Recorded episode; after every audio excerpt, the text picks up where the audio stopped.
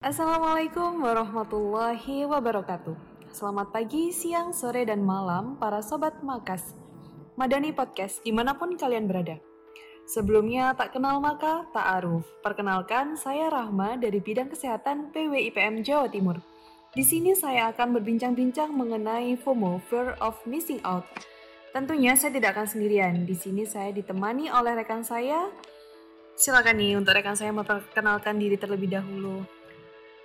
Baik, terima kasih Mbak Rahma. Oke, salam kenal semuanya. Saya Dia, selaku anggota bidang kesehatan PWIPM Jawa Timur yang akan menemani Mbak Rahma nih dalam podcast kali ini. Hai Mbak. Halo Dia, gimana nih kabarnya? Alhamdulillah nih baik. Mbak Rahma sendiri gimana? Alhamdulillah baik juga. Sebenarnya kita kali ini akan membahas apa nih Mbak? Sepertinya pembahasan kali ini seru sih. Kita kali ini akan membahas permasalahan yang sering banget terjadi pada individu, apalagi usia remaja hingga dewasa, yaitu FOMO atau Fear of Missing Out.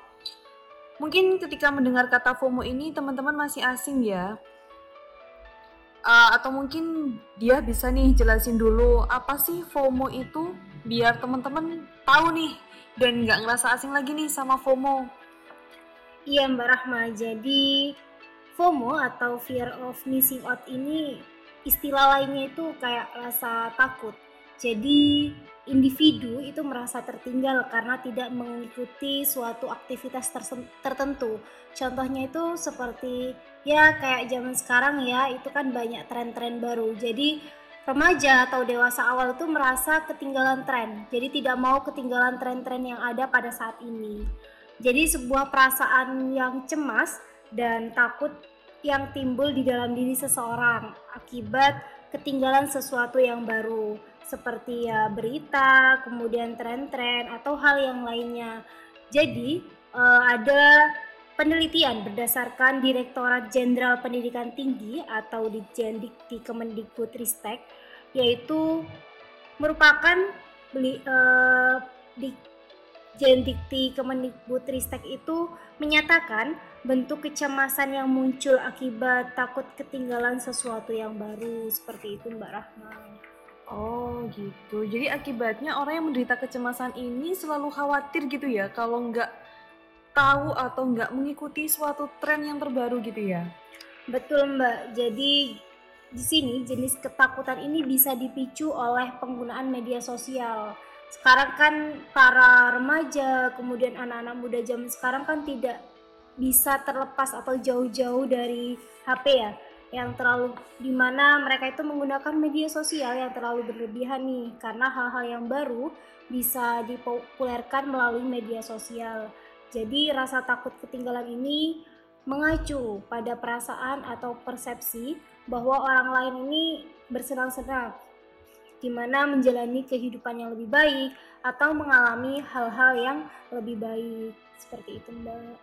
Jadi salah satu penyebab FOMO ini juga dari penggunaan media sosial ya mbak ya? Iya benar mbak Rahma. Seperti yang kita ketahui uh, sekarang era-era di mana teknologi semakin berkembang ya mbak ya. Jadi saat ini menjadikan kita itu dengan mudah menerima jutaan informasi dari luar sana Contohnya melalui Instagram, TikTok, Facebook, atau Twitter dan lain sebagainya.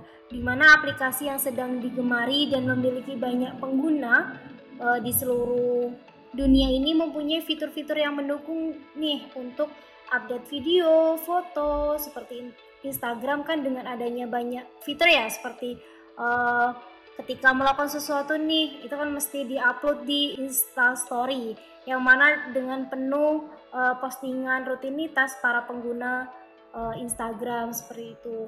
Nah, dari sinilah sebagai viewer uh, dapat memicu munculnya perasaan cemas. Lalu individu tersebut itu membandingkan kehidupannya dengan orang lain yang terlihat lebih menyenangkan atau bahagia. Jadi menurut ada penelitian itu menurut Very Will Mind uh, perasaan FOMO ini juga bisa terjadi pada semua gender dan umur. Seorang yang mengalami FOMO memiliki tingkat apa ya kepuasan hidup yang lebih rendah karena terus uh, membandingkan hidup dirinya itu dengan orang lain seperti itu mbak. Wah kalau gitu kita juga bisa termasuk FOMO juga nggak sih karena sering kali kadang ya nih kita membandingkan hidup hidup kita dengan orang lain gitu kan biasanya. Hehe bisa seperti itu sih mbak. Biasanya kita kan selalu membandingkan ya setelah melihat dari story orang kemudian kita merasa insecure nggak sih? Iya bener banget sih. Nah kira-kira nih apa sih penyebab atau gejala FOMO ini Iya, jadi yang mudah atau sering dilakukan individu saat ini ya Mbak, yang pertama uh, kita tuh sering melakukan ngecek HP nggak sih meskipun kita itu udah berusaha menjauhkan HP dari diri kita bener nggak mbak? Bener banget. Iya jadi hal ini menjadi kebiasaan individu mbak tidak lepas dari selalu uh, mereka itu memegang gadget jadi seakan-akan sudah tidak bisa dihilangkan. Jadi seseorang yang mengalami FOMO itu akan selalu ngecek HP-nya, apalagi biasanya kita ya uh, saya sendiri mungkin Mbak Rahma juga nih hmm. mengalami kayak seperti bangun tidur itu bukan langsung kita itu cuci muka, gosok gigi atau merapikan tempat tidur, tapi apa yang kita cari ngecek itu ngecek HP, bener iya, enggak? Iya. Jadi mesti kita tuh bangun tidur, mesti yang pertama dituju adalah ngecek HP, kemudian sampai satu hari main HP, kemudian mau tidur pun masih pegang HP lagi nggak sih? Iya, kadang kita sampai begadang karena kita scroll scroll TikTok, Instagram, apa ya uh, berita yang terbaru atau terkini. Nah itu kan membuat kita itu uh, asik gibah ya istilahnya sekarang ya kita iya, punya informasi terbaru kemudian kita kasih uh, ke teman kita misalnya ini aku punya berita baru nih kayak gitu ya. Nah kayak itu tuh uh, kita tuh semakin tidak mau ketinggalan tren mbak. Nah hmm. kemudian yang kedua itu jadi kita itu lebih peduli sih sebenarnya dengan media sosial daripada kehidupan nyata kita atau kehidupan sehari-hari kita. Jadi kita lebih kayak berpacu pada uh, apa ya kehidupan yang ada di media sosial kemudian kita terapkan kayak itu daripada memang dunia yang nyata. Nah akibatnya muncul keinginan yang diakui orang lain kayak itu jadi kayak kita itu uh, harus mengikuti tren supaya kita itu kayak uh, di apa ya disanjung-sanjung oleh orang lain gitu loh. Harap pujian gitu mbak sih jadinya? Mbak iya. Nah jadi kemudian yang ketiga tuh mbak kayak kita tuh selalu apa ya ingin tahu tentang kehidupan orang lain. Kepo banget sih. Betul, kepo istilahnya Mbak bener banget. Jadi kita tuh selalu kepo dengan kehidupan orang lain. Apalagi kayak sekarang tuh kan kayak uh, kehidupan artis-artis tuh kan sering di post ya di story, iya, di story banget. Instagramnya kayak gitu ya. Iya, nah kita kan dari situ tuh melihat nih apa sih yang terjadi di rumah tangga mereka atau uh, dalam ke, ke, ke keluarga mereka atau kehidupan sehari-hari mereka gitu. Nah, kemudian yang keempat nih Mbak ada lagi. Nah, itu tadi seperti yang kita bincangkan tadi ya, selalu ingin tahu gosip terbaru. Gak mau ketinggalan berita. Betul Mbak, jadi itu menjadi kita tuh sel selalu apa ya, selalu cari sebuah topik pembicaraan nih Mbak. Ya enggak sih? Iya, betul banget nih. Tidak lepas dari gibah. Iya. Yo istighfar bareng-bareng Iya. Nah, kemudian yang kelima nih Mbak, yang menjadi apa ya penyebab mengeluarkan uang melebihi kemampuan. Nah, di sini nih kita ketika kita melihat kehidupan orang lain atau kita tuh tidak mau ketinggalan tren misalnya ada model baju baru kayak oh, yang tren saat ini itu kita tidak mau ketinggalan akhirnya kita oh, menyebabkan kita itu mengeluarkan uang yang lebih untuk membeli suatu barang tersebut supaya kita tuh tidak tidak terlihat apa ya uh, ketinggalan tren lah ya. Kita tuh dianggap orang lain tuh nganggap kita tuh selalu update kayak gitu. Kayak setiap ada model maju baju baru kita harus punya gitu kan. Sebenarnya kan masih ada baju yang bisa kita pakai cuman karena itu model terbaru jadinya kita harus seakan-akan kita ingin membelinya gitu nggak sih iya benar banget mbak jadi biar kita tuh nggak ketinggalan tren ya betul jadi kayak kita tuh malu sendiri sebenarnya ya merasa malu atau insecure kepada orang lain. Nah hal ini e, membeli kayak gitu tuh sebenarnya tidak penting dengan dalih agar kita itu tidak ketinggalan zaman. Kemudian ada lagi nih mbak yang terakhir. Jadi kita itu selalu mengatakan iya kepada orang lain bahkan di saat kita itu tidak ingin sebenarnya.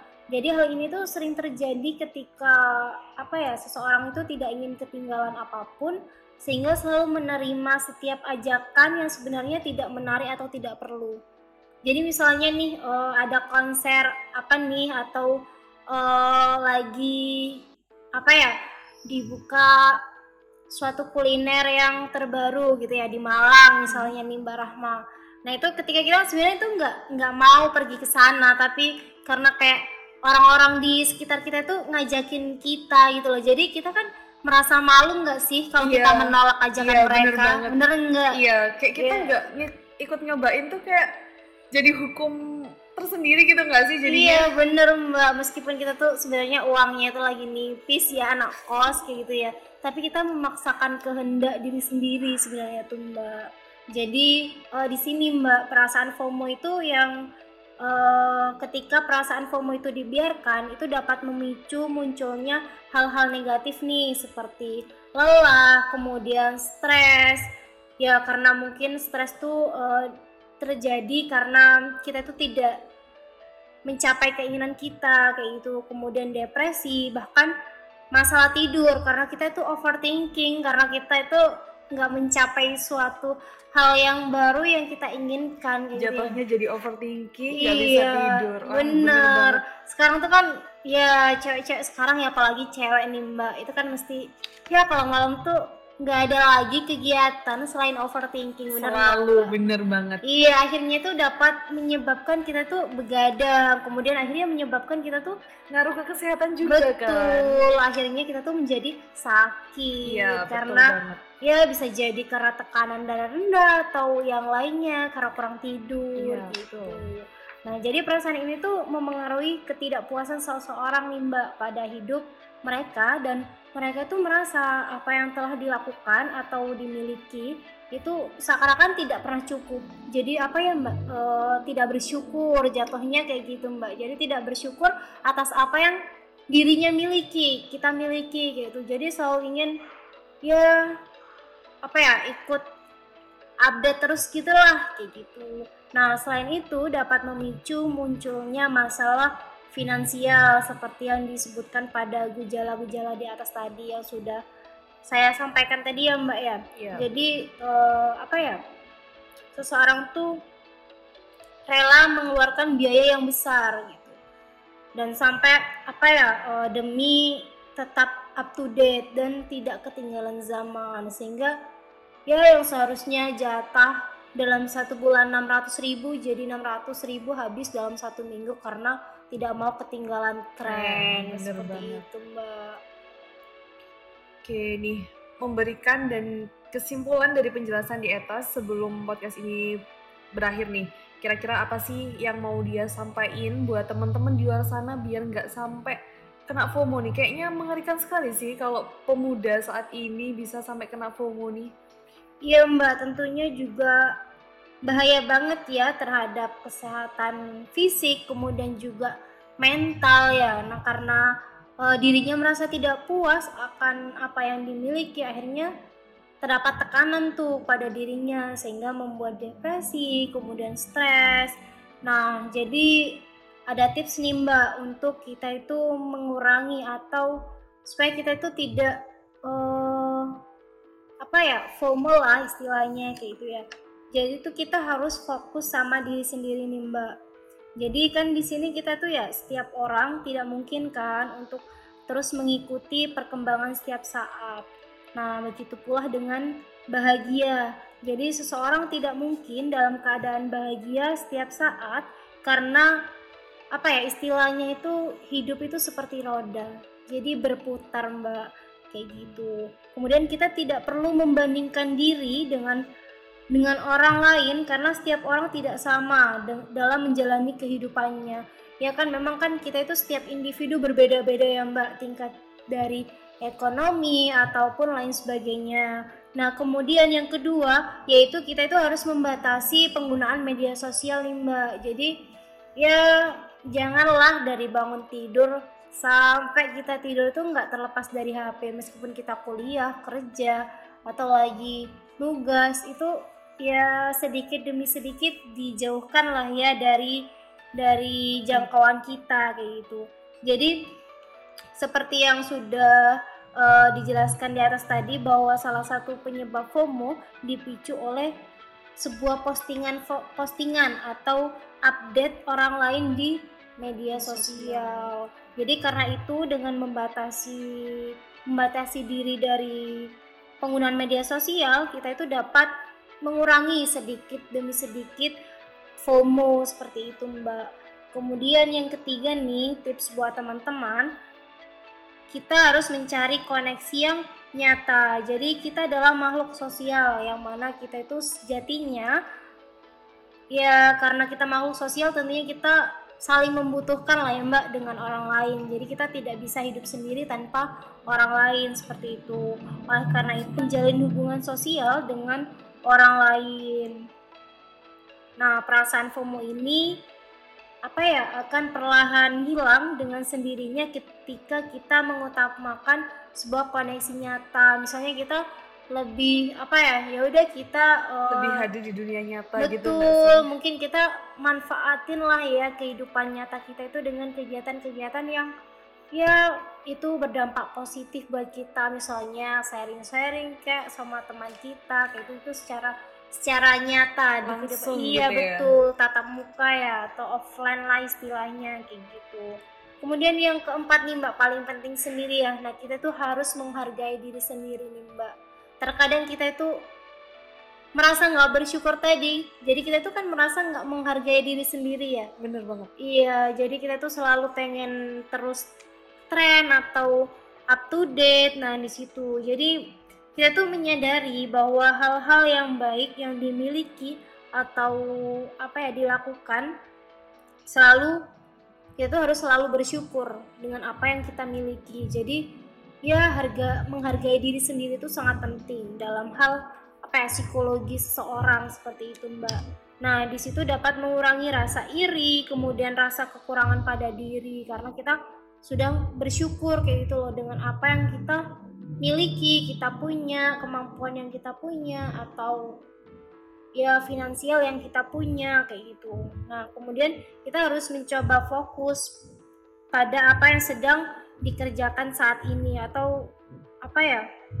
Uh, sering terjadi kan saat ini kita mencari pembuktian dari orang lain seperti itu, Mbak. Jadi kita janganlah menyia-nyiakan hidup dengan merasa tidak pernah merasa apa ya puas atau cukup.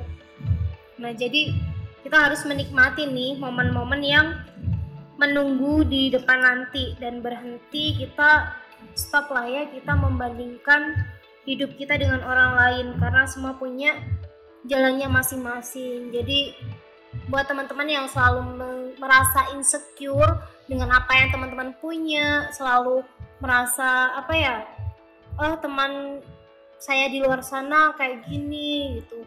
Misalnya uh,